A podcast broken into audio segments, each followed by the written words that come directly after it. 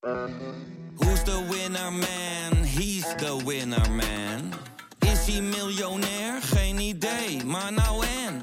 Je hebt geen jackpot nodig to be a winner man. Oh oké, dat is wel lekker man. Dit programma wordt mede mogelijk gemaakt door Toto.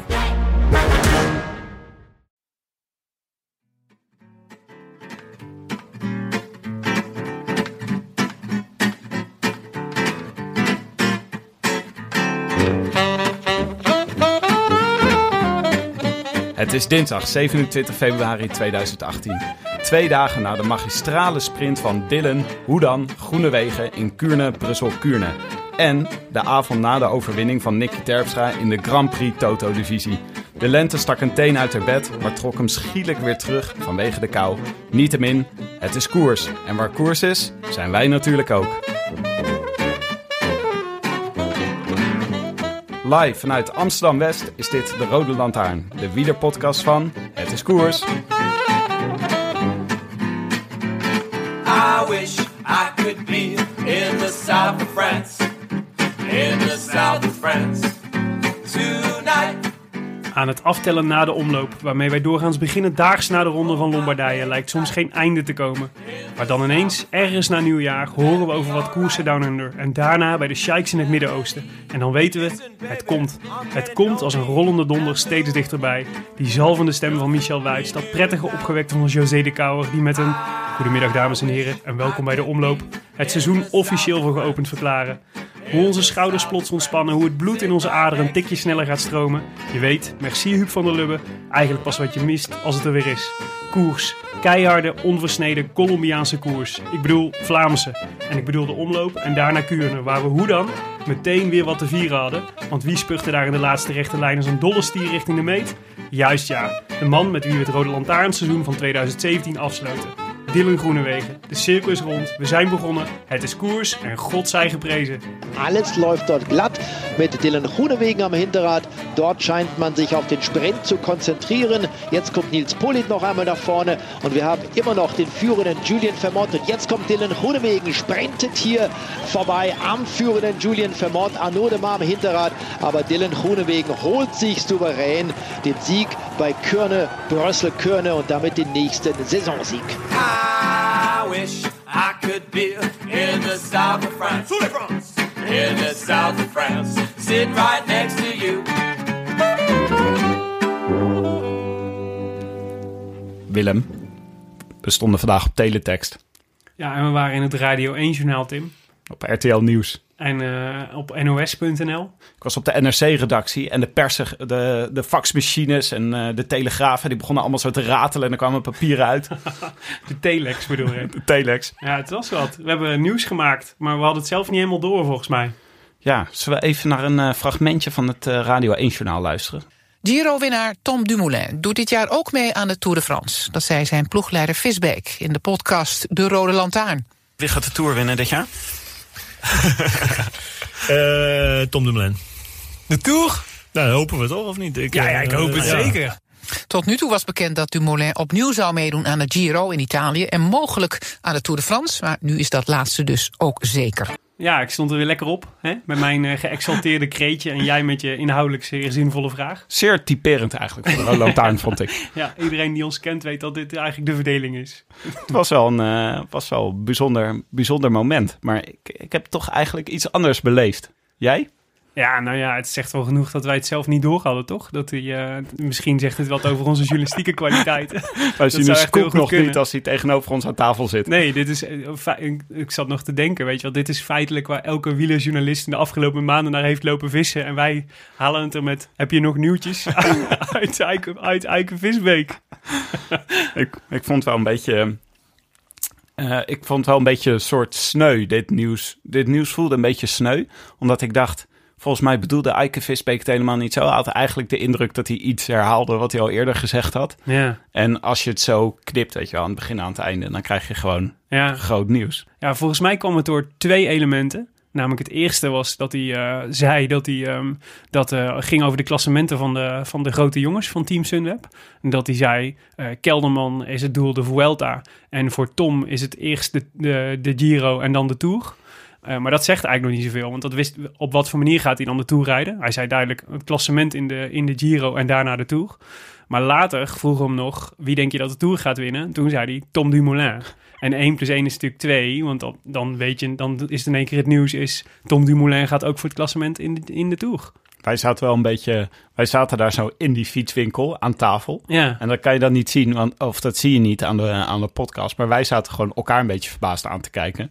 Ja. Van, heeft hij nou iets, heeft hij nou iets eh, bijzonders gezegd? ja kom. Is dit, nou, het was meer, het was niet, heeft hij iets bijzonders gezegd, maar Ja. is dit nou serieus? Of is dit gewoon een grapje in, Ja. de, in de loop van het gesprek? Ja, nou, ja, nou ja, het zal een foutje zijn geweest. Ik denk eigenlijk dat dit niet de bedoeling was dat dit al, eh, dat, dat het niet, laten we zeggen, het was en zal vast niet de bedoeling zijn geweest dat dit zo in het nieuws zou komen. Nee. En dat vind ik eigenlijk ook wel weer sneu, want het was eigenlijk gewoon een superleuk gesprek en een super, en heel veel, er zat echt heel veel, ik vond het echt heel interessant, dat eh, gesprek wat we met hem hadden. En dat raakt natuurlijk wel een beetje ondergesneeuwd in het, eh, in het, eh, in het grote nieuws, want dat zie je niet op teletext. Nee. Maar het was ook, het was, ja, het was gewoon een, het was een prettig gesprek. Het was heel erg leuk. Ik vond Ike heel sympathiek. Ja, Dus ik hoop ook dat hij hier niet mee in de problemen komt. Want het was eigenlijk, ik, het was dus in de loop van het gesprek was een heel natuurlijke opmerking. ja, Maar ja, het is, wij zijn niet van die geheide journalisten die dan gelijk de ene quote eruit halen. nee. Maar of, of überhaupt bedenken dat hier nieuws gemaakt wordt. Zo'n gehaaide journalist bedoel wij zijn niet gericht op het, eh, op het nieuws, Willem. Wij zijn gericht op, de, op, op het grote verhaal. Wij, wij hoeven geen 101'tjes, wij schrijven een roman. Ja, dit is, dit is een roman schrijven voor ons. Precies, zo is het. Eh, maar goed, luister, eh, wie het nog niet heeft teruggeluisterd, het hele interview is echt zeer, zeer aanbevelenswaardig. Want hij zegt een heleboel interessante... Vanwege dingen. Ike, hè, zeggen we niet over onszelf. Nee, nee, nee, dat doen ze alleen bij de correspondent, toch? Ja. Luister nu mijn goede gesprek met Eike Visbeek terug, zouden ze bij de correspondent zeggen. Ons diepte-interview. Anywho, Eh, dat was een dag, was, dat was mijn dagje wel, Tim. Ja, en eh, er gaat nog veel meer komen dit Zeker, jaar. maar laten we om te beginnen even een, eh, een natje inschenken. Wat heb je voor ons meegebracht? Ik heb eh, een heerlijk eh, glaasje rode wijn, dacht ik aan vandaag. Maar wat Het voor rode een, eh, wijn? het is een eh, schitterende eh Sangiovese van de Gal en Gal. Oké, Ik dacht, eh, je dacht vanavond is uit te we, maken, we maken er een feestdag van. Proost. Het is tenslotte de start van het seizoen. Proost, Tim. Ehm, ja, we moeten het misschien even hebben over, eh, over de plannen voor, eh, voor dit seizoen. Want we hadden natuurlijk een soort proloog, die een, wat nogal een heftige proloog bleek te zijn, met Eike Visbeek, de teammanager van Team Sunweb. Ehm, dat is in ieder geval wat we vaker willen doen. Hè? Dus vaker Rode Lantaarn specials in het komend seizoen. Ja. Maar wat is, de, wat is de ambitie? Vertel het eens. Nou, we willen eigenlijk gewoon er vaker zijn. Dat is denk ik het belangrijkste. Omdat we vorig jaar zaten we nogal met onze eh, kerstverse gezinnen Ja. op hete kolen. Ja. En eh, hebben we een aantal etappes van de Tour overgeslagen, wat echt pijn deed. Maar ook de Giro natuurlijk. We kozen er vorig jaar voor om de Tour te doen en niet de Giro. Nee, dat is wel ook wel een historische vergissing. Ja, dus we willen, we hebben, we- nou ja, we willen er meer zijn. En daarvoor hebben we ook versterking gezocht. Zeker. Want En niet zomaar versterking. ja, we zitten hier nu niet met z'n twee aan tafel, maar we zitten met z'n drie aan tafel. Welkom Jonne. Leuk om het te zijn, jongens. Nou, hoorde je al eventjes in de podcast met Eike Visbeek. Ja, je dat mocht- was nog heel onwennig, hoor. Waar je mocht vertellen over je liefde voor Phil Bahaus. Ik eh, heb een zwak voor eh, sprinters eh, in het eh B-circuit. En prompt won hij, hè? Maar hij heeft potentie, hoor. Hij heeft potentie. En prompt won hij. Ja, het eh, viel mij ook alleszins mee. Ja, dat was echt knap. Heb ik ontzettend Maar van in, genoten. in Abu Dhabi en niet zomaar een sprint. Nee, dat was zeker. gewoon eh, indrukwekkend. Hij legde eigenlijk alle grote mannen erop. Maar jongens, jongens, jongens, wacht even voor de duidelijkheid. Oh ja. We hebben Jonne Cerise zover gekregen om producer te worden van de Rode Lantaarn. Dat is geweldig nieuws. En Jonne zal ook regelmatig aanschuiven als eh, een van de presentatoren. Ja. Om te zorgen dat we zoveel mogelijk eh, etappes eh, en zoveel mogelijk wedstrijden kunnen verslaan. Ja, zodat we vaker, inderdaad vaker een podcast in jullie podcastfeed kunnen, kunnen, kunnen dumpen. En wat leuk is, Jonne komt eh, net als Dylan Groenewegen uit, eh, uit Amsterdam. Ja, Dus wij hebben ook gezocht in die buurt. En uh, naar een uit, uit de rivierenbuurt ook. rivierenbuurt Ja. ook, net Ja. als Dylan Groenewegen. Een Zeker. soort poormens Dylan, Dylan Groenewegen. Ja, zo werd ik in de buurt wel genoemd, ja. Kan je zelf goed fietsen eigenlijk? Absoluut niet. Echt, eh, ik ga één keer per jaar op fietsvakantie. Eh, dan gaan we eh, met z'n nou, tussen de 10 en de 15 man de Alpen in. En ik word eigenlijk altijd laatste. Oh, Als ik al opstap. Ja. Ik ga eigenlijk voornamelijk mee omdat er veel geklavierjast wordt. Nou ja, daarom Maar zit je bent- ook bij ons aan tafel. En je bent ook wel een vervente livestream-kijker, heb ik inmiddels begrepen. Als het eh, fietst, dan kijk ik ja. Want ehm, zo- Ik ga ook wel eens op het terras zitten kijken naar mensen die voorbij fietsen. ja. als, er maar, als er maar gewoon fietsen in, Als- jouw, in jouw beeld is, dan is het goed. Ja, en als Michel Wuits en José de Kouwer eh, het, het aan elkaar babbelen, dan eh, ja, gelukkiger kan je me eigenlijk niet krijgen. Dan is het al snel goed. Jonne, wat Nou. vond je van het, eh, van het openingsweekend? Welke was eigenlijk leuker van de twee? De omloop het nieuwsblad of eh Kuurne, Brussel, Kuurne? Ik kies voor de omloop. Eh, ja, dit vind ik eigenlijk al jaren een van de leukste koers die er is. Ook omdat er een beetje ja, op wordt... Nee, ik zou niet willen zeggen neergekeken, maar wordt niet super serieus genomen. Waardoor er ook nog wel eens een verrassing kan winnen. En dat is eigenlijk wel weer gebeurd ook dit jaar. Ja, Ik Valkeren Ik had deze man eh, van Astana. niet Van op mijn lijst. Astana. Valkeren hebben wij vorig jaar nog, eh, hebben we nog van geconcludeerd dat hij gemaakt is in een lab van, in Asta- van eh, Astana. Het is gewoon eh, het is soort de, de, de natte droom van Vinokourov, hoe die eruit ziet. Hij toonde weer bijzonder weinig emotie. eh, maar dat schijnt heel normaal te zijn in Denemarken. Ja. Emotie zat niet in zijn DNA-profiel. Ik zag, ook, ik zag vandaag een filmpje van Valkeren en de aanval van Valkeren, waardoor die bleek dat hij zeg maar twee minuten lang een belachelijk hoge wattage had getrapt. Dat is echt dat hij- alle, alle kenners helemaal super in, onder de indruk waren van wat hij had gekund in zijn demarrage voor de omloop. Van afgelopen weekend? Ja. Echt? Ja. Oh, wat vet zeg. Twee minuten lang, super knap. Maar goed, die moet je maar eens even opzoeken, want dat was best wel tof. Dat kon je- dat is namelijk, ze proberen namelijk op allerlei nieuwe manieren die koers in beeld te brengen. Dus nu zat, zo heb je van Velon heb je nu ook Ja, om het hip te maken. Ja, nou ja, niet Hoeft alleen niet. gewoon om betere insights te geven. Ja, dus nu hadden- ze hadden ze ook dus zo'n zo'n filmpje van de herhaling van zijn, eh, van zijn demarrage, waarbij je bij alle renners het wattage wat ze trapten op dat moment zag. Dus dat je ook het verschil zag tussen wat hij aan het trappen was en wat de andere deed. Dus dat was echt super tof om te zien. Oh, dat, eh, En ze hadden eerder ja. Eh, eerder al in Abu Dhabi hadden ze al geëxperimenteerd met die 360-camera. Ja, eh, dat heb ik gezien, ja. Dat, dat was, was ook eh, vet. Ja, alsof dat je midden in het peloton zit. Ja, dat vond ik heel vet om te zien. zijn wel echt, eh, staan ons mooie dingen te wachten komend jaar. Dit gaat John natuurlijk morgen kijken, hè? dat snap je natuurlijk wel. Superleuk. Ja. Ik heb een paar uurtjes vrij morgen, dus... eh, En Jonne, je produceert niet alleen onze podcast, maar ook een andere. Dat klopt, ja. Ik eh, mag met Laurens ten Dam op stap en Stefan Bolt. Ehm, Stefan is de presentator en eh, Laurens is het, eh, het leidend voorwerp, om het zo te zeggen. En eh, de live, li- live Slow, Ride Fast podcast. Live Slow, Ride Fast podcast. Leave Slow, Die Fast Tim, podcast. Tim, jij als CEO van Dag en Nacht Media weet vast wanneer de allereerste Live, Sl- Live Slow, Ride Fast podcast uit gaat komen. Hangt een beetje af van het eh, schema van Laurens in de komende weken. Maar kon dus, we hebben twee afleveringen opgenomen. We gaan nog een derde opnemen. En dan, eh, dan wordt de serie gelanceerd. Vet. Dus eh, volgens mij En moet ook je... in onze podcastfeed, toch? Ja, wij gooien hem gewoon hierin. Ja, Zodat, zodat eh, iedereen hem kan luisteren en testen. ja, dus je hoeft, eh, je hoeft maar gewoon bij ons te blijven. Dan komt alles goed. Leuk zeg. En eh, zonder al te veel te verklappen, maar ze hebben een hele leuke vibe met z'n tweeën. Er zit, veel, eh, er zit een goede energie in. Oké. Ja. Nou, ik kan Nou, niet dat, is ook wel, van Laurens. dat is ook wel eens leuk, toch? Als je, als je, ja. als je naar deze luistert. Oh, dat is echt gemeen. Oké, we hebben... Anywho, maar er zijn nog meer nieuws. Want we hebben namelijk voor het eerste seizoen ook echt een vaste sponsor. Ja, Tim, Geweldig. je hebt de onderhandelingen gedaan. Vertel ons er alles over. Ja, we zijn dus naar, de, we zijn naar, de, naar Shimano geweest in Nunspeet. En daar hebben we, mochten we gewoon eigenlijk door het magazijn lopen... en van alle onderdelen vragen, wat is dat en wat doet het? Mhm. Maar eh, laten we gewoon maar naar luisteren. Oké, hier is een woordje van onze sponsor. Schitterend. Oké, laten we snel naar de koers gaan, want we hebben veel te bespreken. Ja, we hebben heel veel te bespreken. Ehm, we dachten voor de eerste aflevering van, eh, van 2018, of de eerste echte aflevering na de proloog, ehm, dacht ik, eh, laten we eens vooruitblikken op wat er ons komend seizoen allemaal te wachten staat. Ik heb jullie een aantal vragen voorgelegd van tevoren. Die heb ik zelf ook beantwoord. Ehm, eigenlijk met eh, die bij elkaar een soort van vooruitblik op, volgend, op dit komend seizoen gaan zijn. En de eerste was eigenlijk was een vraag aan jullie. Welke drie renners ga je dit seizoen opletten?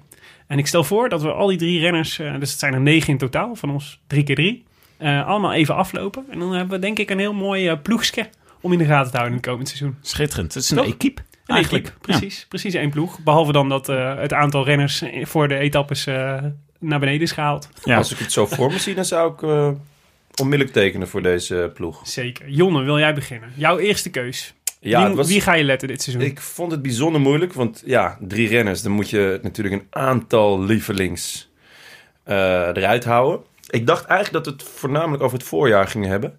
Dus mijn eerste ren is eh, Gaviria.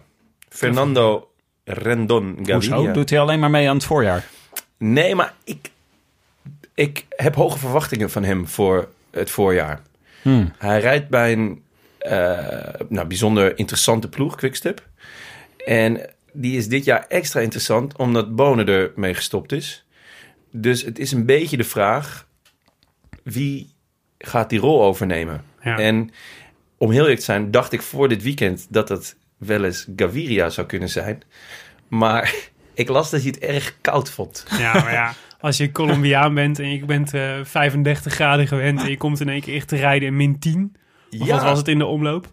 Ja, maar dan heb ik zoiets, stel hem dan niet op. Ja, ja. Maar je moet toch een keer testen of hij het aan kan. Nee, klopt. En hij, he- hij heeft al wel een paar eh, resultaten gegeven vorig jaar in België. En ehm, dus ja, ik, ik zag in hem, of ik zie in hem, eh, heel veel eh Sagan-trekjes. Ja. Hij kan een heuvel over, hij kan over kasseien, hij kan aankomen, hij kan demareren, hij kan zelf gaan of een sprint afwachten. Ja.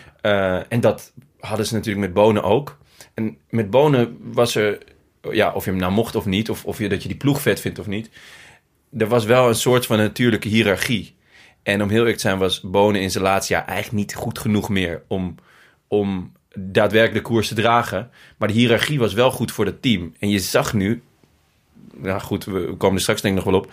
Maar eigenlijk heeft Quickstep het heel slecht gedaan het eerste, eerste Ja. het openingsweekend. Vijfde plaats. Ja. Gilbert is het best. Ja, ja, zeker. Ja, Ja. eh, ik kan me voorstellen dat eh Lefebvre, Niet blij is. dat, daar eh, dat het gedonderd heeft daar. Gaviria, mag ik zal je. Oké. Ik Gaviria wordt echt volgens mij overal gehyped, hè? Zeg maar al anderhalf seizoen lang is dat zeg maar echt de coming man eigenlijk. Klopt, ja. Zeg maar, er zat iedereen achter zijn handtekening aan en hij werd bij ging naar Lefebvre en dat is natuurlijk de winnaarsploeg, dus eigenlijk best wel logisch.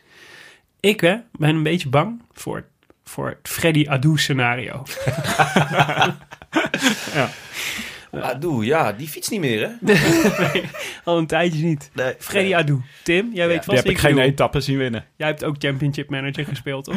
Ja, dat was ooit die Ik denk dat aanstormde... al onze luisteraars Championship Manager hebben Ja. gespeeld. het, grote, het grote Amerikaanse talent. Die zeg maar de nieuwe... eh, Wat, zou, ja, wat was het toen? De nieuwe Ronaldo zou worden, denk ik. Nieuw Messi. Of de nieuw, ja, nee, Nee, ja, Messi, dat, hij was eigenlijk voor die tijd dat nog. was voor die tijd, ja. Hij zou, hij zou Ja. de nieuwe, Oh, nieuwe- zo, ja. De nieuwe Pele. Ja, de Ik denk dat dat nog de beste de, de vergelijking nieuwe is. Luc Nielis. Ja, nee, precies. En, en, en eigenlijk, maar door iedereen als zeg maar het grote talent werd. En eigenlijk degene is geweest die dat eigenlijk nooit heeft kunnen waarmaken. En ik hoop serieus dat het voor Gaviria wel lukt hoor. Maar het deed me, de, de, de opmars, zeg maar, en de, de hype deed me echt een klein beetje aan. aan Oké, Freddy maar- Adu denken. Vier etappes vorig jaar in de Giro. Freddy Adu heb ook gescoord op het WK. Jonne? Is dat zo? Ja, dat, weet ik niet, dat weet ik niet. Ik- Maar wel in het ik Amerikaanse team. zeker. Vrijwel- Ja, het Amerikaanse team, dat heb ik ook nog wel gescoord. Maar is eh, Tom Bonen, dat was wel echt ook een beetje de alfa-man van het, eh, van het Ja. peloton, hè? Is Ja. die Gaviria ook zo'n eh, zo'n macho? Nou, ik denk dat hij echt Denk nog redelijk ik onderaan de hiërarchie bij Quickstep staat. Ja, ik denk ook niet dat hij dat... Maar ja, dat is nu dus een beetje de vraag bij heel Quickstep. Ja. Wie is daar nu de overman? Ze kwamen met Hmm. vijf kopmannen naar, Ja. naar dit weekend. Ja.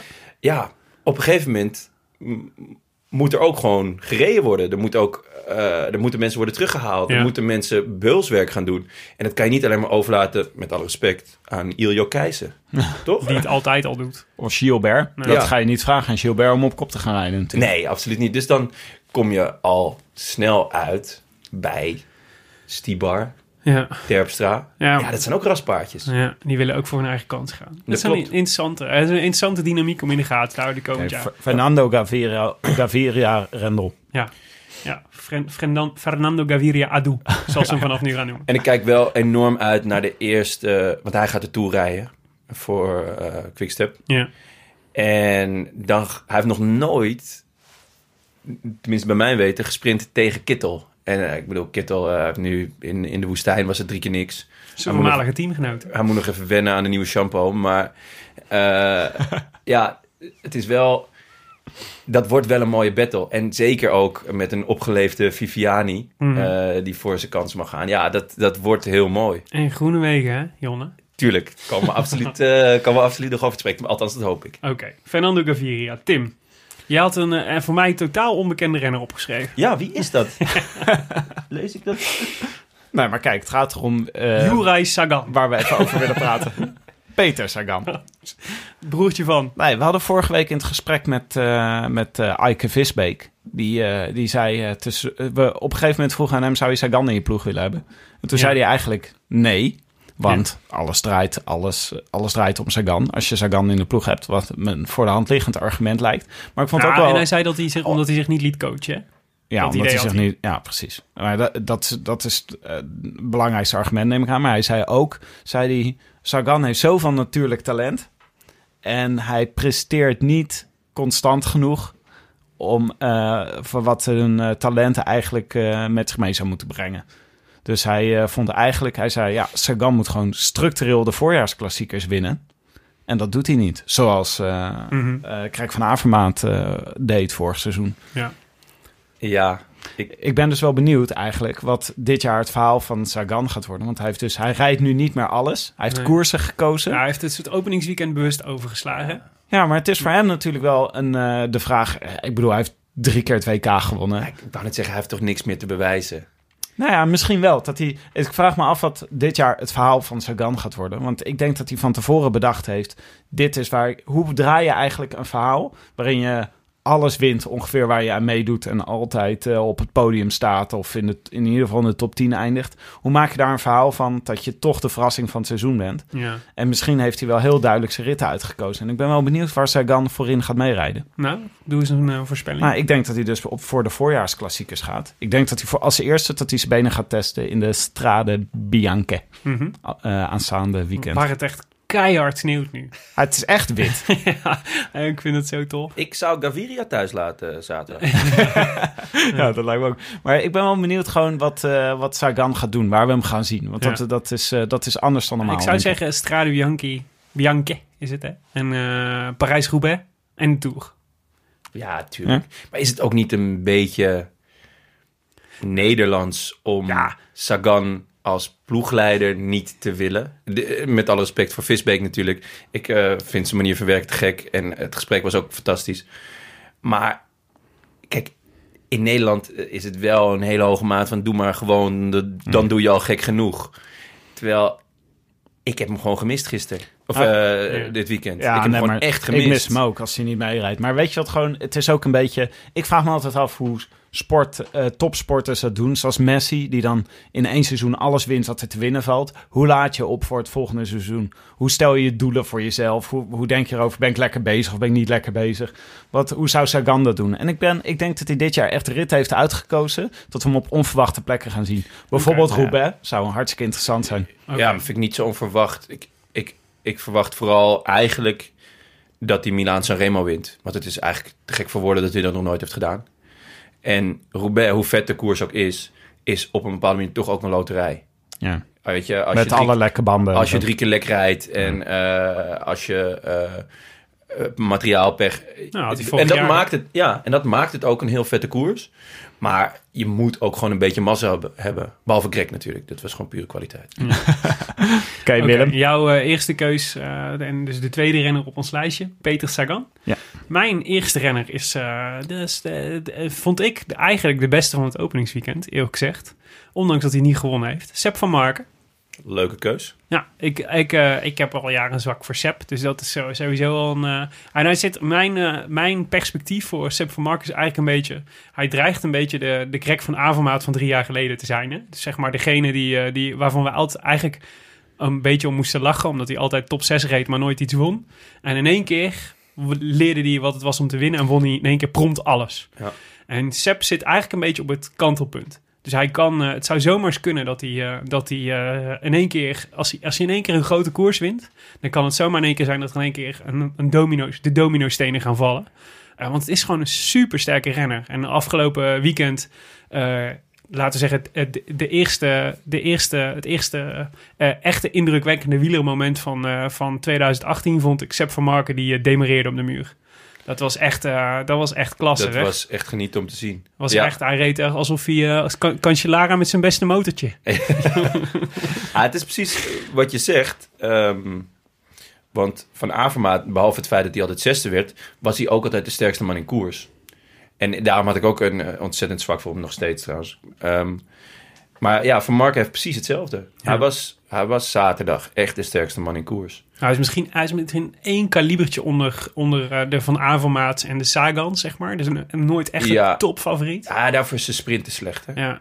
Ja, dat- maar je schrijft hem altijd wel op ook. Ik heb hem ook gewoon in mijn wielerprono staan. Het is altijd goed voor een paar ereplaatsen. Tuurlijk. Oké, Sepp van Mark. Overigens in een, eh, in een verrassend mooie roze pakkie dit jaar. Absoluut. Ik, eh, Ik vond vorig jaar vond ik dat eh, Ik vind AF Education eh Cannondale Dre Pack, of hoe ze ook heten, echt het lelijkste tenue van het hele peloton. Oh, maar dat vind ik nu ook weer.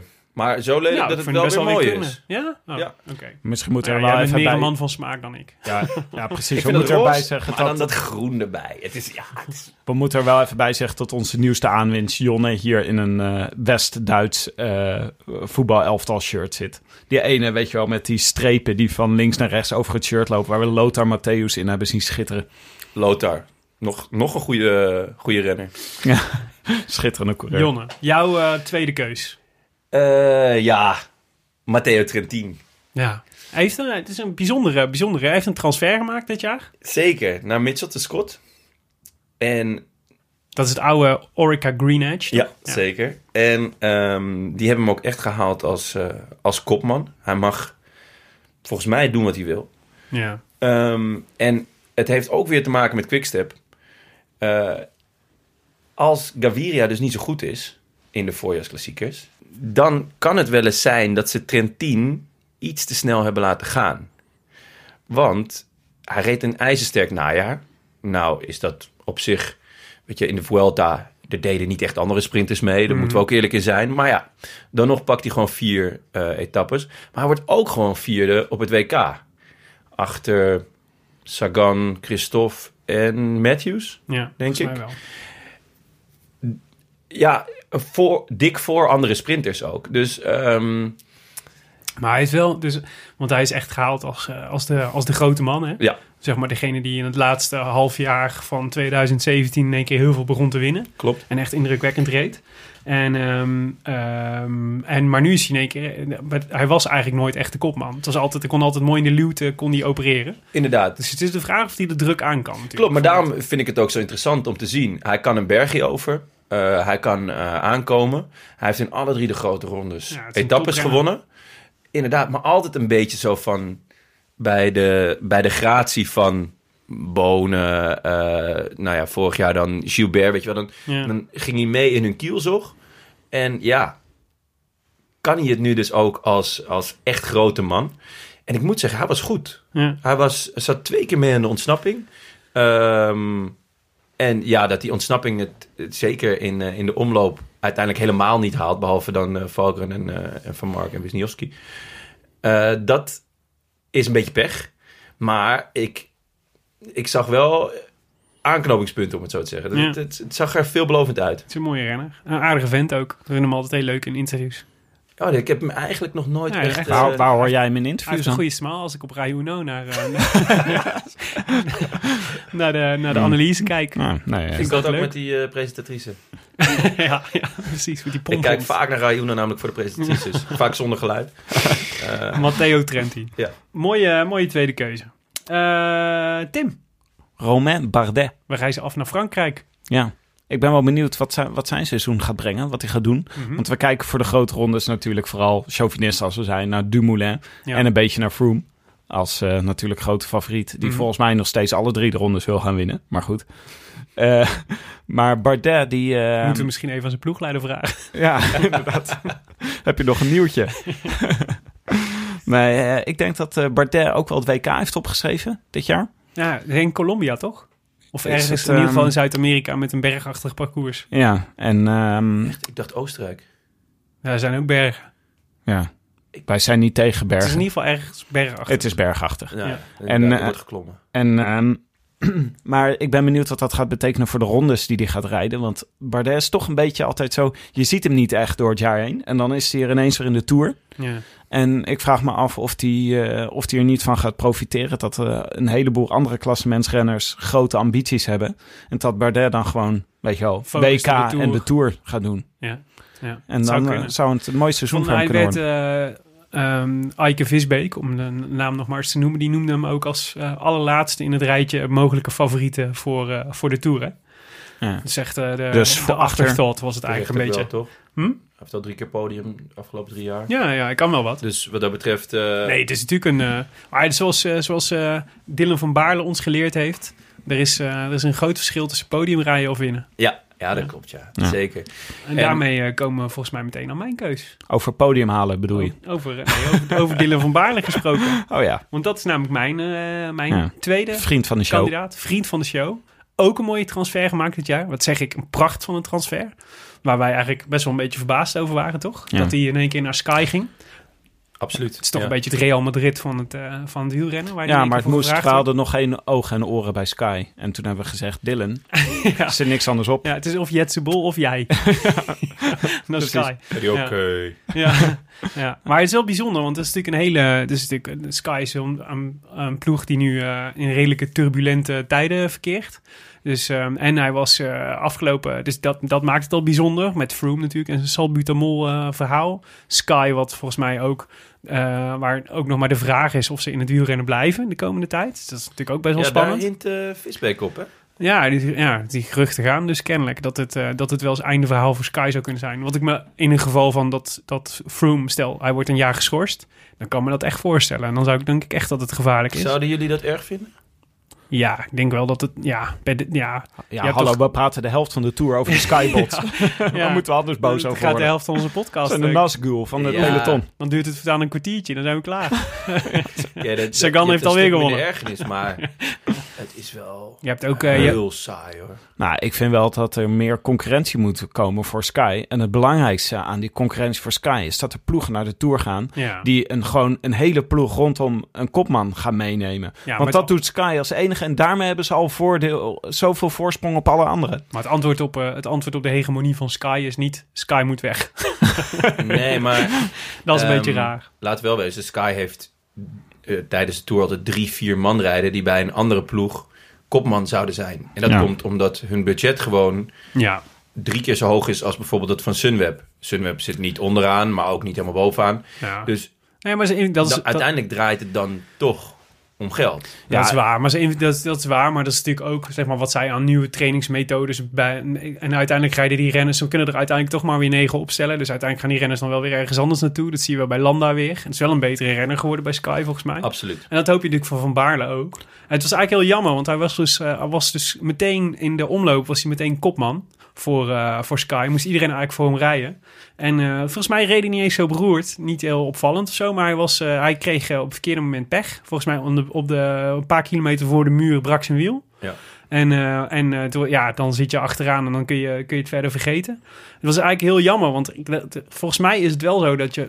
Het zou mijn inschatting zijn dat je bij Sky niet heel veel kansen krijgt meteen om kopman te zijn. In wat voor rol hebben ze me eigenlijk gehaald, denken jullie? Nou, wel echt voor het voorjaar. Dus om Ja. de, de, voorjaars, de voorjaarsploeg te versterken. Maar wel, denk ik, ook wel echt voor die Vlaamse waaikoersen, zeg maar. Dus tot, Zeker, aan, eh, maar tot aan Vlaanderen. Het, het listige is dat ze daar nog wel meer mannen voor hebben. Dus dit was wel zijn kans, dit weekend. Als hij, eh, als hij kopman had willen zijn in Vlaanderen, had hij, vandaag, had hij eh, de omloop eh, moeten winnen, zeg maar. Ja, Eigen. want eh Kwiat gaat hem rijden. Ja, Nou ja, dat is in, de, in, in eendagskoers natuurlijk echt ja. top of the bill. Eh Moscon gaat hem rijden. Die was Ja. ook wel heel indrukwekkend. Maar wat ik, wat ik hij Ehm, zeker, ja, dus ze gaan een mooie ploeg opstellen. Stannard, Rowe. Nou, Rowe Maar het- ik, natuurlijk... ik zat te denken, het kan ook in zijn voordeel werken. Want hij krijgt dan, eigenlijk krijgt hij nu weer, door, door, eh, het, doordat het kopmanschap niet zo goed gelukt is, krijgt hij nu waarschijnlijk wel weer een soort van vrije rol in een aantal andere koersen. Dus hij zal niet meteen terugzakken naar de, naar de rol van Knecht, zeg nee, maar. oké, ja. Dat- maar wel onder, ondersteunend aan de kopman. En als de kopman wegvalt, dan is hij, dan is hij wel de eerstvolgende. En ik heb het idee dat hem dat nog vooralsnog beter ligt. Net zoals dat je het moet leren winnen, moet je ook leren kopman zijn. Ja, Hij zei ook na... eh want hoe, nou, heet, laten we het hopen. hoe heet die Pol nou, die tweede west? werd? Wisniewski. Ja, Wisniewski. Die eh, kwam ook aan hem vragen of hij mocht demereren. Dat vond ik zo grappig. Weet ja, niet. ja, dat zei hij na afloop. Dus eh, eh, Van Baarle wist zelf ook niet helemaal wat hem overkwam. Dat, eh, dat, is dus, dat is dus wat er gebeurt als je kopman bent. Dan komen je knechten komen vragen... Dylan, mag ik demereren? Ik heb goede benen. ik, kan, Ja. ik wil weg. In het Pools? Ja, ik weet niet wat ze spreken. Nazgul toch? Bij, het, eh, bij, bij Sky. Oh, wat goed zeg. Oh, dat is dan wel weer, eh, dat is wel genieten. Ja, dat vond ik ook. Maar dus hij, was, hij, vertelde, dat, hij, vers- hij vertelde het met zo'n eh, zo'n verbaasdheid zelf ook. Dat hij zelf ook dacht van, waarom vraagt hij dit aan, waarom vraagt hij dit aan mij? Natuurlijk mag je Ja, wegrijden. maar moet ik je mee? Sky, Wie is die rare pol? Maar Sky is natuurlijk wel gewend, net als eh, Discovery en US Postal daarvoor, om gewoon met z'n allen voor één kopman te rijden. En dat is bij bijvoorbeeld bij eh, Quickstep, die eh, laten gewoon, weet je wel, negen vrijbuiters rond in het eh, eh, los, of acht in dit geval, Ja. acht in het peloton en die zeggen ga maar. Maar bij eh, Sky is het natuurlijk allemaal voor de kopman. Dus eh, ze zijn gewoon gewend, weet je wel. Het is gewoon de SP. Ze moeten gewoon allemaal, ze moeten allemaal niet allemaal rijden. Dylan van Baarle was even Li- Lilian. Lilian Marijnissen. Was Ja. even. Ja, oké. En eh, al een geld inleveren, hè? dat is ook belangrijk. Dat is allemaal bij Crit. Jonne, we Bij- reizen terug naar Vlaanderen. Voor jouw laatste keus? Ja, dat is mijn boy. Tish. Ties Tish Benoot. Benoot.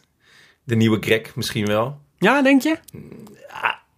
De, toen hij, hij debuteerde natuurlijk met de vijfde plek in, Ja. in de ronde. En toen werd hij dus gelijk gezegd, dit is de nieuwe, Ja. de nieuwe man Ja, in de Ronde van Vlaanderen. in de Ronde van Vlaanderen. Ja. En ehm, dat, i- die, dat is een zegen, maar ook een beetje een vloek gebleken. Want nou, vorig jaar heeft hij een paar aardige Mhm. koers gereden. Volgens mij in de omloop zat hij kort. E3, Ja. maar weet niet helemaal zeker aan mijn hoofd. Maar hij zat hij goed, maar mensen verwachten veel van hem. Vervolgens is hij toen eh, naar de Dauphiné gegaan en is hij er twaalfde geworden. En ging hij eigenlijk wel heel erg makkelijk bergop. Met, en eindigde hij ook voor een aantal jongens waarvan je dacht, nou... Mhm. Dat is niet gebruikelijk voor iemand die goed is in het voorjaar, toch? Dat je goed bent in de Dauphiné. Nee, en zeker niet. Hij is 23 uit mijn hoofd. Nou ja, iets ouder volgens mij. Maar niet veel ouder. 23, 24. En ehm, het is nu een beetje de vraag welke kant gaat hij op. Hij heeft vorig jaar al minder kobbels gereden. Eh, en iets meer dat hij dus ook ehm, eh, de, de, Vla- de, de Vlaamse, of de, de, de, de Waalse koersen ging doen. Mhm. Dus hij heeft eigenlijk ook, eh, heb ik een keer gelezen, dat hij de, de Amstel Gold, dat die hem eigenlijk het beste ligt. Nou, dat is natuurlijk echt al een heel andere koers dan Vlaanderen, dan Roubaix. Roubaix heeft hij vorig jaar bijvoorbeeld heeft hij overgeslagen. En ik ben heel erg benieuwd. Hij werd twintigste in de Tour, denk Ja. ik. ja.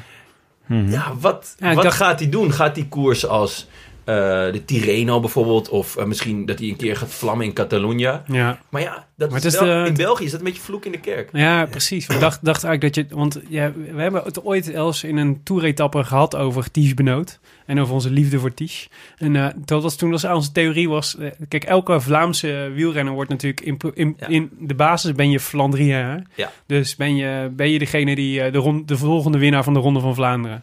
En de tragiek van Ties is dat hij wel eens een veel betere ronderenner zou kunnen zijn... dan eigenlijk een klassieke renner. Ja. zou wel leuk zijn om weer eens een Belgisch klassementsrenner bij te hebben. Ja, ja, dat zou fantastisch zijn. Ja. Ja. Ik denk, eh, ze, ze snakken er ook ergens wel naar. Want ja, Maar dan moet hij wel, kijk, dat, is- dat betekent wel dus dat hij een keuze moet gaan maken.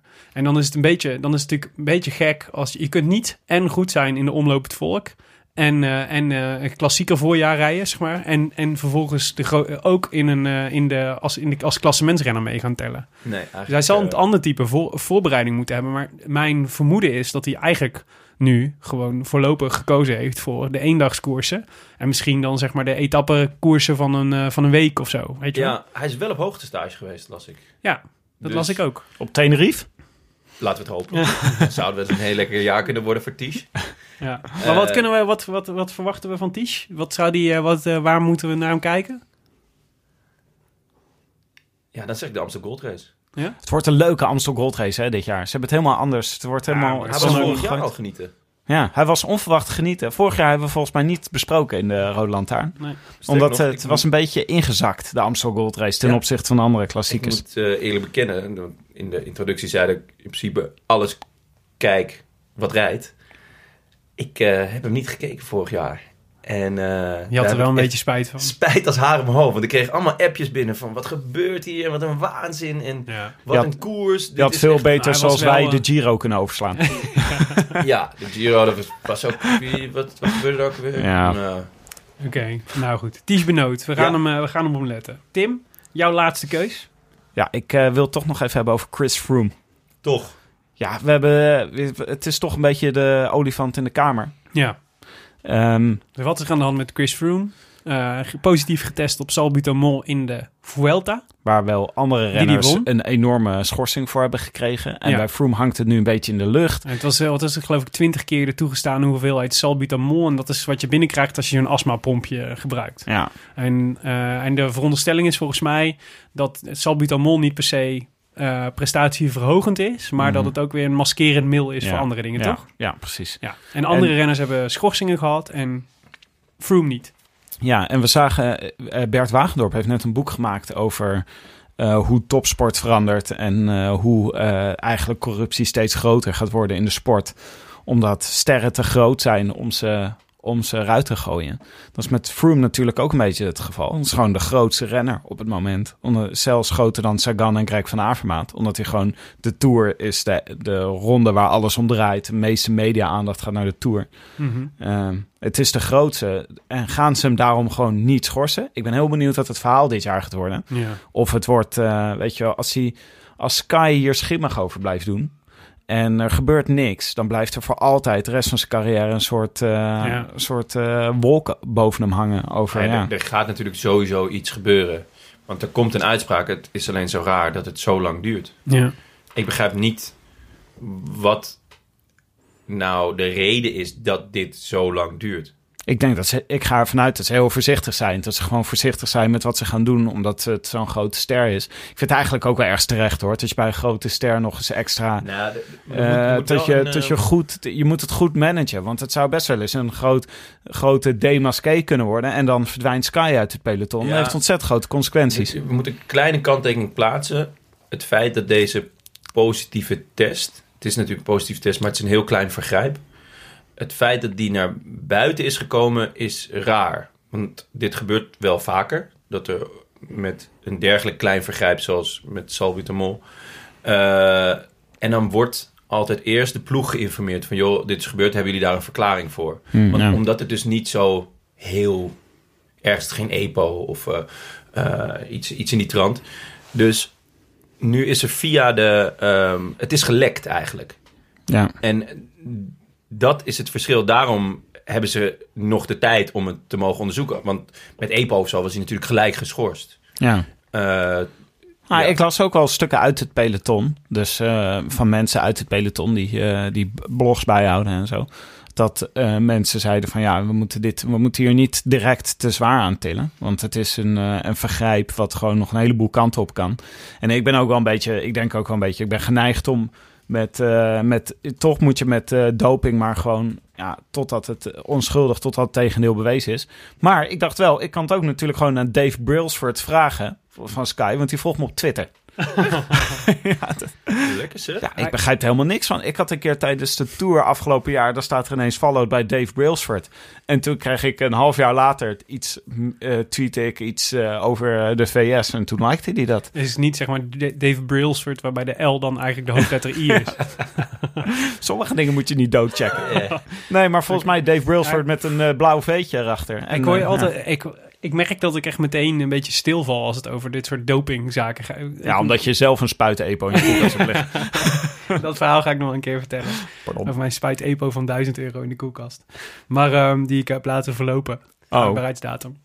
Eh, maar daarover later meer. Nee, om, het is een beetje, het is, zo'n, het is een onderwerp waar je niks mee kan. Want ik, ik weet, ken helemaal de ins en outs van die zaak niet. En, en ik heb wel, kan je, wel, je kunt wel een soort van makkelijk zwart-wit oordelen van, nee, hij moet geschorst worden. Ik, Ja. ik weet het gewoon niet. Ik kan je wel, mooie verwijzing misschien, de, de cassette podcast van die die eh, dat is een andere wieler podcast. Die had laatst een heel mooi gesprek van Benjamin de Bruin. En die had laatst een heel mooi gesprek met Douwe de Boer zo'n doping expert van de Rijksuniversiteit Groningen. En dat gaat eigenlijk drie kwartier lang over deze casus over sal- salbutamol en Froome en eh, hij die legt eigenlijk super mooi die Douwe de Boer legt heel mooi genuanceerd uit waar je dan allemaal naar moet kijken hoe je onschuld zou kunnen bewijzen wat, eh, wat eh, hij zou doen als hij Froome was wat een logische schorsing zou zijn op- basis van, deze, van, van dit vergrijp. En dat vond ik echt heel erg tof. Dus die aflevering tippen we bij deze. Douwe de Boer in de cassette podcast. Oké, laten we dan eh, na, laten we na Froome even overgaan tot een wat meer huistuin- en keukenrenner, Willem. Heb je er nog één? Ja, Een iets huistuin- en luchtigs? keukennaam. Iets luchtigs? Ja, ik... ehm, Oké, want ik weet dat dit segment eigenlijk ging over renners die we in de gaten gingen houden de komende tijd. En, Mhm. eh, maar we hadden een gesprek met Eike Visbeek. En het ging over talent scouting. Dus hoe, ga je, hoe ontdek je nou talent in het, in het peloton? Eh, Willem, heb je zelf junioren. zitten scouten? Ja, dus ik dacht, ik ga eens doen wat hij, doet, wat hij deed. Namelijk, ik ga eens zoeken in de, in de tijdrituitslagen van de WK's van de afgelopen jaren. Van wat voor namen kom je dan eigenlijk tegen? Ja, want hij zei dus, voor de duidelijkheid, Eike Visbeek zei dat scouten voor hem eigenlijk begon met het bijhouden van de uitslagen in tijdrit. En liefst een beetje Ja. onbekende koersen. Kijken wie rijden daar nou structureel heel erg goed in. Ja, omdat het, de tijdrit is dan, het. zeg maar, dus dat zegt iets over de grootte van je motor. Dus, eh, dus eh, hoe goed kun je... Dus hij noemde het voorbeeld Marcel Kittel, die, die, eigenlijk dat, die wij natuurlijk allemaal kennen als topsprinter. Maar die, die hij eigenlijk ontdekte als supergoeie tijdrijder. En dat betekent eigenlijk, dan heb je zo'n goede motor. En dan, dan zou je, als je explosief bent en je hebt zo'n grote motor, dan kun je een hele goede sprinter worden. Als je eh, daarnaast eh, een eh, super duur vermogen hebt, bijvoorbeeld. Of, een, of dat je daarnaast ook nog super goed kan klimmen of heel licht bent. Dan zou je goede klassementsrenner kunnen worden. Dus een hele goede basis. En toen belandde ik in mijn zoektocht, belandde ik in één keer bij de naam Campbell Flakemore. dat klinkt als een verzonnen naam, dat is het niet. Het is een beetje een pornosteur. ja. Nou ja, dat is hij ook niet. Campbell Flakemore. Hadden jullie wel eens van hem gehoord? Nog nooit. Oké, nou hij won dus in... Ah, hij was maar heel lang geleden opgevallen. In alle tijdritten. Nee, hij won dus in 2014 in, eh, in eh, wat was het? Ponferrada? Ponferrada. Ponferrada. Eh, Is, dat een, is dit een plaatsnaam? Of wat is een koers? Ja, Ja, zeker. Zeker. En daar werd, ehm, daar, werd het, ehm, ehm, eh, daar werd het dus het, WK voor junioren werd gehouden, voor de, voor de beloftes. En daar eh, won hij. En eh, ik zal je even de, de top 10 eh, voorlezen.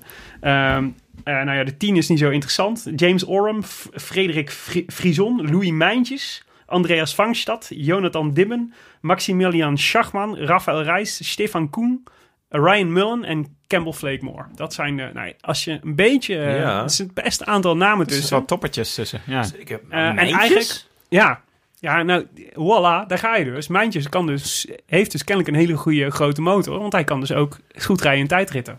Heeft hij in ieder geval een keer gedaan. Ik heb het idee dat hij altijd achteruit gaat in de tijdrit. Ja, dat Ja, maar het is ook vaak zo, dat zei Dumoulin vorig jaar ook natuurlijk, dat je gestel verandert op de, na, naarmate de, de- naar aanleiding van de manier waarop je traint. Dus als je meer voor de bergen gaat trainen, dan heb je, is de kans dat je motor kleiner wordt als je gaat tijdrijden. Precies. Nou, als je verder in de, wie daar meededen, eh, Lucas Pustelberger, Niels Poliet, eh, de ne- beste Nederlander Steven Lammertink, Krach Andersen deed nog, eh, deed nog mee. Heeft hij Je zei op acht- Koen, toch? Zei je ook. Koen, zei ik ook. Koen werd derde. Ja. Maar wat is nou interessant aan Campbell Flakemore? Het is het verhaal, want het is niet voor niks dat jullie hem niet kennen. Een aantal van die andere gasten wel. Eh, hij is namelijk gestopt met wielrennen. Dus hij, eh, het, verhaal is dat hij werd, werd wereldkampioen tijdrijden. Kreeg prompt een contract aangeboden bij BMC. Wat natuurlijk echt een supergrote, supergrote ploeg is. En voor een Australiër natuurlijk extra top. Want het is de oude ploeg van Cadel Evans. Cadel Evans. Precies. Dat Oh, vinden ze ja. allemaal heel vet. Ja, Cadel is Dus groot, ik hè, zit hier heel schaapachtig aan te kijken. grote, grote Ik Aussie. verdruk Cadel Evans. Daar mocht hij dus ook eh, nog mee. eh, daar, dus dat, dus Cadel Evans was de grote man. Hij was super trots dat hij natuurlijk contract aangeboden kreeg. Ging de Tour Down Under rijden. Ehm, en eh, was, eh, was, eh, reed twee etappes heel goed. Eh, ging opgewekt in, eh, na de tweede etappe. Reed hij terug naar het huis van eh Cadel Evans. Eh lette even niet op. Brak zijn sleutelbeen en dacht toen... Oh god, als ik nu een half jaar moet revalideren... dan kan ik echt de motivatie niet meer opbrengen om te gaan wielrennen. Eh, heeft hij toch eh, geprobeerd. Heeft hij, heeft hij weer is hij hersteld. Moest hij, moest hij in Vlaanderen gaan rijden. Is hij eh, ongeveer drie maanden lang echt zoek gereden door alle andere profs. Dus ook moet je voorstellen dat als je herstel, als, als zeg maar een soort eh, beginnende renner die net eh, terugkomt van een sleutelbeenblessure in de ijzige kou over de kasseien in Vlaanderen moet gaan rijden. Terwijl je temperaturen van, van... Hij zei, het enige moment dat ik me herinner dat ik gelukkig was in die periode was toen ik een keer sa- s'avonds laat nadat ik in- uit mijn hotelkamer was ontsnapt, terwijl ik weer op enorme achterstand gereden was door alle andere Vlaamse, al die Vlaamse koningen.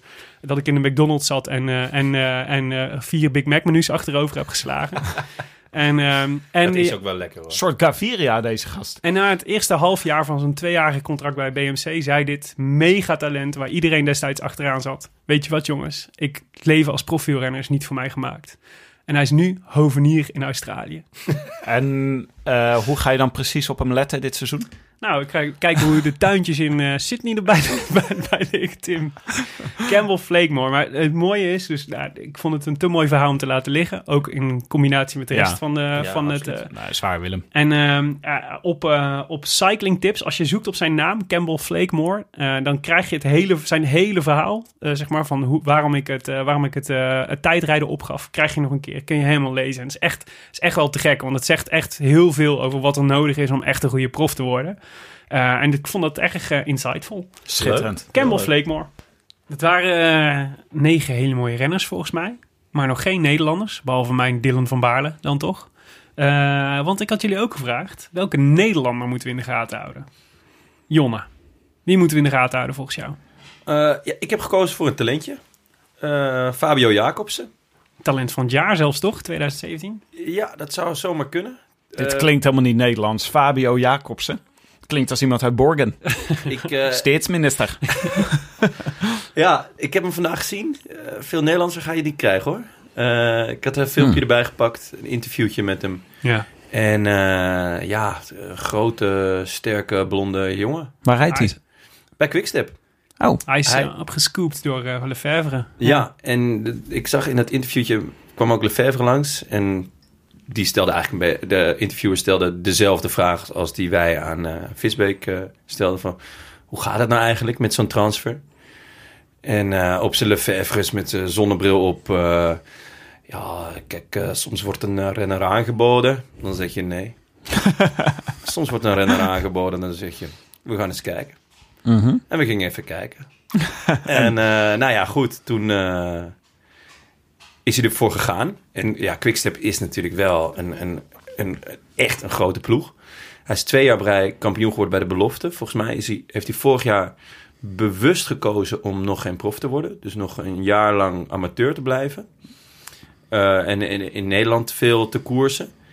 En ja, ik hoopte dus vandaag dat hij eh, in Le Samin... en zo zijn er nog een paar van die koersjes. Dus, de eh, Grand Prix Toto Divisie. de Grand Prix Toto Divisie, ja, waar Quickstep waarschijnlijk als een soort, in mijn ogen, een soort strafexpeditie moest, omdat ze er geen Ja. hout van hadden gebakken het openingsweekend. Dat ze ineens, dat Terpstra, Gilbert en Lampaard of zo? Ja. Lampaard, die moesten, dan maar, eh, die moesten daar maar even gaan laten zien. En dat is een beetje kinderachtig. Vliegt een helikopter heel laag over als je, dat, eh, als je gebrom hoort op de achtergrond. Oh ja, dat is ongelukkig. Maar denk je dat ze van als, als een soort Coa Adriaan... Ja, waarschijnlijk, waarschijnlijk is het Lefebvre die achter zijn renners aangaat. Want was dit soort Coa Adriaanse actie die, eh, die gewoon zei van... jongens, zo slecht weekend, ga maar even deze Toto-divisie koers rijden. Het zou mij niet verbazen, want dit is een koers die is echt voor eh, ja, pro-continentale ploegen. En dan, die omcirkelen hem ook met rood. Net zoals eh, de Verandas Willems en zo. Verandas Willems, ja. Dat zal jou... eh, Guillaume van Kersbulk. ja, Guillaume. En die had hem vorig jaar gewonnen, inderdaad. Ja. Ehm, maar ook eh Daniel no Nokere koersen en ehm, Ja. welke heb je nog meer? Ja, het is echt... Maar, hij Maar reed, dit was eh, toch... eh, Gilbert reed toch ook mee? Ja, maar Ja. Dat, dat, dat vond ik dus oh ja, een die beetje moest kinderachtig. natuurlijk ook. Ja. Dat, ja, dat was dus een beetje kinderachtig. Ja. Ehm, mijn hoop was dus dat hij eh, in dit soort koersen zichzelf eh, kon laten zien. Nou, hij heeft hij gedaan. Hij moest alleen werken voor, eh, voor de mannen. Ja, klopt, maar dat is niet zijn eh, ding volgens mij. Het is, Nou, ik, had, ik had hem... want ik, het is echt een sprinter, hè? Ja, ja, ja. En ze zien ook heel veel potentie in hem. Ja. Hij, hij, weet- hij had trouwens, hij heeft trouwens enige bekendheid vergaard... omdat hij dus bij het vorige KNWU-gala in 2017... toen de, de renners van het jaar werden gekozen... werd hij gekozen tot talent van het jaar. En toen ehm, hadden ze zijn naam verkeerd geschreven op de beker. en daar, ja, was- klopt, daar, was ja. daar maakte hij een beetje een lillige opmerking over. Ja, maar dat wat vond ik wel grappig vond. dat Ja, vond ik ook wel een leuke, vond ik een leuke opmerking. Maar eh, we- weet je, wij, wij, geven, we gaven de afgelopen tijd heel veel hoog op over, eh, of de afgelopen tijd, afgelopen seizoen vaak hoog op over de room vlogs van Laurens ten Dam. Die hij met eh, onder andere Sinkeldam en nu volgens mij met Curvers maakt af en toe. Dus dan zitten ze op hun hotelkamer en dan, dan bespreken ze de koers. Maar de, de, zo, hij wordt op dit moment overtoept door Nicky Terpstra, die eh, ook room vlogs maakt. En dat bij in eh, Dubai deed met Fabio Jacobsen. En het leuke was dat ik echt meteen dacht, want ja, hij- vertelde dus, Nicky Terpstra ging dus vertellen over Fabio Jacobsen, die daar in Dubai zijn eerste profkoers ooit ging rijden. Toen dacht ik, oh, ik zie hier echt, volgens mij ziet Terpstra echt een, een, een jonge versie van zichzelf daar. En heeft idee, gaat hij deze jongen adopteren en leren wat het is om, om prof te zijn en koersen te winnen. Ik vond, eh over Nicky Terpstra gesproken, mijn keuze voor Jouw deze keuze, categorie. Nicky Terpstra. Wederom een hele verrassende naam die je daar... eh, Ja, voor jullie niet. zoekt. Maar ik denk wel voor, dat veel eh, mensen die eh, gewoon Nicky Ja. Terpstra een beetje volgen... dat het lijkt soms wel alsof Nicky Terpstra's seizoen uit één koers bestaat. Namelijk de Ronde van Vlaanderen, of twee koersen. Ronde van Vlaanderen en Parijs-Roubaix. En als hij het daar niet goed doet, is de rest van het seizoen afgelopen. Want hij ziet dan heel erg op tegen de rondes waar hij mee naartoe moet. En dan is hij de rest van het jaar zagrijnig. Maar Laurens Tendam die vertelde, die traint veel met eh Nick Terpstra. En die vertelde dat hij ontzettend in vorm was. En ontzettend goed aan het rijden is. En ik vond het beste bewijs wat hij daarvoor aandroeg, vond ik toch wel dat die Amerikaanse logier die bij Laurens in het, eh, in het tuinhuisje slaapt. Zo'n jonge renner van eh, Delta. Eamon Lucas. Oh ja, Eamon Lucas van, eh, van Delta. Een hele getalenteerde Amerikaan. Die dan met hun twee gaat trainen. En dan door Terpstra dan, weet je wel, als hij net denkt dat hij thuis is, zegt Terpstra, zullen nog één rondje? Dan gaat Terpstra dus keihard op kop rijden. En dan is die Eamon die kan, laat zich niet kennen en die gaat meerijden. En die ligt dan helemaal in de kreukels. En die moet drie dagen herstellen voordat hij weer verder kan trainen. Ja, dus wat Ten Dam zei is, of als je met Terpstra mee gaat trainen, word je of heel goed, of hij rijdt je helemaal naar de kloten. Dat, zeg maar, dat, dat zijn de twee opties. Precies, je krijgt dus ook een soort... Ik vond het wel een mooi beeld. Want ze vertelde eigenlijk ook dat... eh, het is zo'n soort trainingsgroepje van eh, soort gelijkgezinden die samen trainen. En dat heeft eh Greg van Avermaat heeft dat ook hè, in, in België. Ja. En Valverde heeft dat ook in, eh, in Spanje. Dat is mooi, hè? In Murcia heeft, is in Murcia, toch? Ja. Is, is Valverde. Ja. Valverde bedoel ik natuurlijk. Maar goed, eh, als Terpstra, als dit zo is, die- ja, die- misschien Dan is ben het... ik heel benieuwd. Hoe kijk jij dan tegen zijn openingsweekend aan? Want het was echt drie keer niks. Ja, ik denk ook dat dat, dat soort dingen een beetje een, eh, een, eh, een gok zijn. En dat je niet gelijk de Co-Adriaanse manier moet hanteren. maar ik, schrijf, ik, ik ben benieuwd of hij dit jaar dus zijn favoriete koersen, hoe die het aan gaat Ja. doen. Vlaanderen moet hier staan en Parijs-Roubaix moet hier staan. Ik ga het toch een beetje, in dat op zich toch een beetje voor hem opnemen. Want weliswaar reed hij vandaag eh, die Samrin als, als de Toto-divisiekoers. Maar hoe die hem reed, zeg maar met deze kou. En, die, en ik zag een paar keer, ik zoomden ze zo in op van die vlaggen, weet je wel. Strak wind tegen, de hele Ja, tijd. Welke nee, zou ik absoluut. Opgingen, ze hadden wind tegen. Ah, ik zag Met eh, eh, de ijspegels aan zijn kin en zo. Wat ook heel vervelend was, vertelde Terpstra achteraf. Ze hebben dus allemaal die oortjes in. En Gaviria heeft dus de hele koers zitten jammeren door die oortjes. Gewoon, oh. Hoe koud het was. Nicky Terpstra, oké. Het is zo koud. Ik, eh, ik, eh, Zo'n Italiaans voor het is zo koud. Ja. het is een Spanjaard. Oh? Spanjaard, Alleen pardon. Colombiaan, die spreken Oh, Spaans. Colombia, ja, het is Jezus. Ah, Oké. Ik heb hier ook goed, goed Italiaans hoor. Mijn, eh, mijn keus, Antoine Tolhoek, heb ik, eh, heb ik opgeschreven. En eh, het is- had natuurlijk een beetje een apart voorjaar. Komt hij uit Maden? Nee, hij komt uit eh, Ze- Zeeuws- Zeeuws-Vlaanderen. Is hij al wakker? ja, hij is, hij is net wakker geworden. Hij had natuurlijk een beetje... leuk, dat je het, leuk dat je erover begint. Hij had natuurlijk een akkefietje met Juan José Lobato... in een, eh, in een, eh, in een, eh, in een trainingskamp van Lotto Jumbo. Want daar rijdt hij. Oh ja. Eh, namelijk, hij is volgens mij twee maanden geschorst door Lotto Jumbo. Omdat hij eh, van eh, Lobato een slaapmiddel had aangenomen. Waardoor hij soort van. eh, waar hij en, zijn, en nog een andere teamgenoot oud ging. En, eh, en naar het ziekenhuis moest gebracht moest worden om, eh, om weer bijgebracht te worden. Ze werden niet meer wakker. En dat was echt een raar verhaal. Dat was echt, dat was, ik vond dat echt het vreemdste verhaal van januari in de koers. Eigenlijk. Dit kan toch ook alleen maar in het wielrennen gebeuren, dit soort dingen. Dat ze ook echt naar het ziekenhuis moeten, omdat het gewoon Ja, Ik vind het helemaal een wijsles voor onze lieve luisteraars. Koop nooit iets van een of andere listige Lobato. eh, Spanjaard. Nou ja, eh. kopen. Hij kreeg het gewoon. ja, krijg- ja, dan, weet je, dan weet je helemaal hoe laat Het het had is. niks in. Maar ja, het had een gewoon gevolg. Want Lobato werd dus ontslagen door eh, op staande voet. Ja, die is door, wel eh, weer onder dak. hoorde door- ik. ja, die heeft net weer eh, ja, bij Bart Weet je waardoor dit- mij, zo'n type ploeg. Weet je waardoor... Fino Fantino. Is dat een... Ja, dat zou, zou heel goed kunnen. Gewoon Ja, iets- hij iets mocht in ieder geval weer de omloop... eh, hij heeft weer de omloop gereden. Maar het, Maar het, de het, het, het, verhaal van die drugs is wel natuurlijk, of van die doping, is wel natuurlijk belangrijk. Want we hebben ook gemerkt dat al die renners tegenwoordig, dat kan je ook op Instagram zien, eh, hebben, brengen eigen koffiemerken op de markt. en eh en zijn koffiezetapparaat. Geesink, die heeft nu op een scootertje heeft hij een koffiezetapparaat gemonteerd. Dus je wil zeggen, als je, zoveel, als je zoveel koffie drinkt, dan moet je ook Dan heb je die slaapmiddel. van Lobato nodig. Ja, het schijnt dat Ja. Lambato heeft ook eh, op een scootertje heeft hij zo'n, eh, brengt hij zijn- slaapmiddelen rond. Ja. Hetzelfde scootertje. Sorry als, Willem. eh, Gaat u maar, verder. maar Tolhoek dus, die, eh, die, eh, die had dus die is dus twee maanden geschorst geweest. Eigenlijk denk ik dat hem dat best wel goed heeft gedaan. Want hij heeft dus, een, hij heeft dus gewoon een beetje kunnen, kunnen, hoe noem je dat, kunnen taperen. Eigenlijk in, de, in die tijd. Al wel gewoon een beetje doorgetraind. Eh, maar we zagen hem dus weer in Abu Dhabi. Waar we op de klim waar we eigenlijk ehm eh, Dumoulin hadden verwacht. Die, slot, die laatste slotklim van het, van het weekend, waar Kelderman heel goed reed en waar die door eh, Valverde nog... eh, ze werden allemaal gedeclasseerd door Valverde eigenlijk. Maar daar werd Tolhoek dus op die klim tiende. Oh, En eh, dat was echt... Dat, dat- dat- op hoeveel alle, minuten? Alle, nou ja, op, op 20, hij zat echt maar heel kort achter de groep Kelderman. Echt? En, Oh, wat goed. ja, het is, dat is gewoon een ontzettend knappe prestatie voor zo'n jonge gast. Want hij is, die jongen is 23. Heeft al, mind you, twee jaar geleden het bergklassement in de Ronde van Zwitserland gewonnen. Klopt. Dat is echt ja. dat is super knap. Ja. Is volgens mij, denk ik, een van de grootste klimtalenten in zijn leeftijdscategorie als je in het, in het peloton kijkt. En eh, ik verwacht eigenlijk best wel weer prestaties van hem dit seizoen. Dus die is nog niet een jongen die in de grote rondes. Ik vraag me, ik denk dat ze hem of in de Vuelta of in de Giro zullen laten, zullen laten starten. Het zal nog niet de Tour zijn, denk ik. Ehm, maar het zou, wel, het zou wel eens een hele belangrijke schakel kunnen gaan worden voor Kruiswijk in de Giro, denk ik. Leuk. Zeker Hm. bij de grote rondes. En eh, het is een sympathieke gast. En hij is, komt uit Zeeuws-Vlaanderen, dus hij heeft ook nog een fantastisch accent. Kruiswijk rijdt de Tour. Je zei Giro.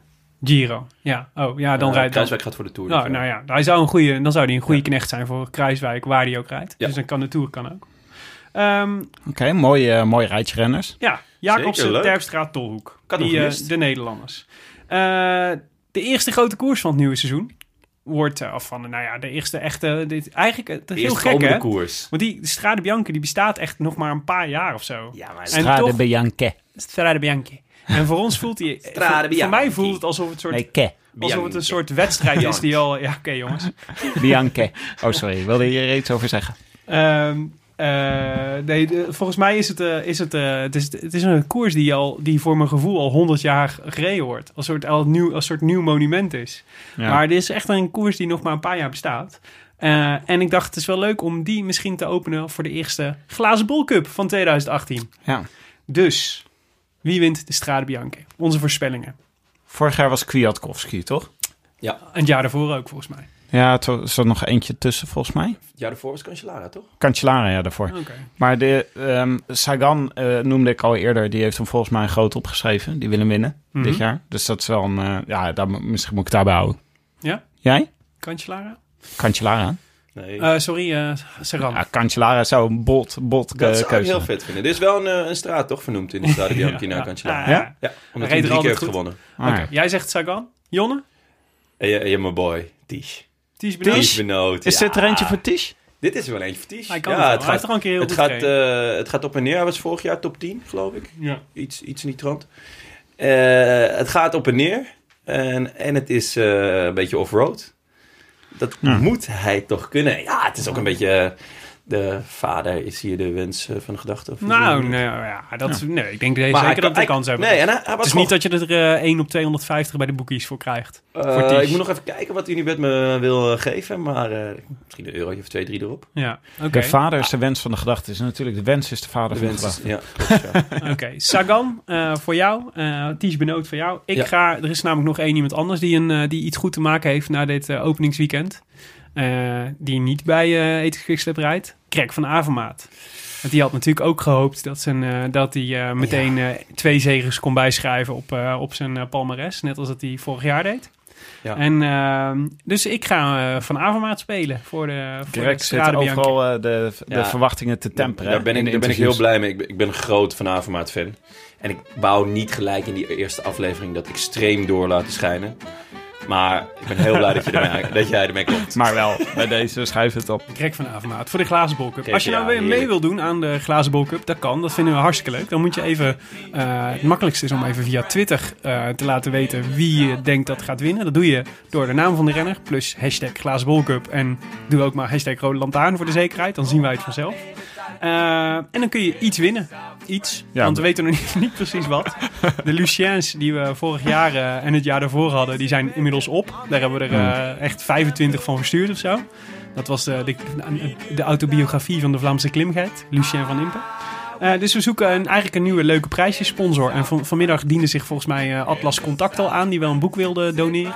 Maar eigenlijk Dat wil zou ik- leuk zijn. ik We wil weten toe- niet wat. Ik wil een prijzenpakket, Tim. Oh ja. Een prijzenpakket, want niks is te goed voor onze luisteraars. Dus dan Koelkasten, Koelkasten, auto's. de koelkast gaat vandaag Ja. naar... Ja, dat Ja. Kom maar naar beneden. Dus wie iets moois heeft, wie iets moois heeft aan te bieden, die mag zich ook melden op, eh, op de Twitters bij uh, Willem Dudok of uh, mij. Tim. Oké, u luisterde naar de eerste aflevering, de seizoensopening van de Rode Lantaarn. Gepresenteerd door uw favoriete bankzitters Willem Dudok en mijzelf, Tim de Gier. Met vandaag en de rest van het seizoen als co-host, sidekick, producer, geestelijk vader, spiritueel leider Jonne Seriese van Dag en Nacht Media. Wij danken Het is Koers.nl, de wielerblog van Nederland en Vlaanderen. En Shimano Benelux natuurlijk, onze sponsor, voor de sponsoring. Uh, wil je reageren op deze uitzending? Via Twitter zijn we te bereiken via Willem Dudok en Tim de Gier. En abonneer je op iTunes of laat daar in elk geval een reviewtje achter. Zoals ook uh, Benjamin de Bruin deed van die andere Nederlandse podcast die de moeite waard is. Toch Willem? Ja, ik heb het er al over gehad. Die uh, aflevering met Douwe de Boer was zeer de moeite waard. En hij had ook een... Um, um, hij, hij, had, hij heeft eigenlijk heel veel mooie podcasts. Het is echt een, echt een aanwinst voor het Nederlandse wieler, uh, voor de wielerpodcasterij. Hm. En uh, ja, hij liet een uh, recensie. Ja, ja, ja. ja. ja daar ja, hadden we het vijf, over. We kregen ook vijf sterren van hem. Waarvoor dank, Benjamin. Hij schreef: Dit is mijn favoriete Nederlandstalige podcast over wielrennen. Oh. Sterker, ik denk dat Willem en Tim een sfeertje neerzetten waar goed beluisterde Engelstalige podcast jaloers op moeten zijn. De special met Eike Visbeek is een prachtige volgende stap en een sterk inhoudelijk interview. Meer van dit. Wat nou, een Benjamin, dag, hè, Willem. komt goed. Wat ja. een dag. Wat een dag, ja. Dat we maar, nog maar vele mogen volgen, jongens. Ik uh, zeg cheers. Salut. En uh, a biento. A biento. A biento. I wish I could be in the south of France. In the south of France. Sitting right next to you.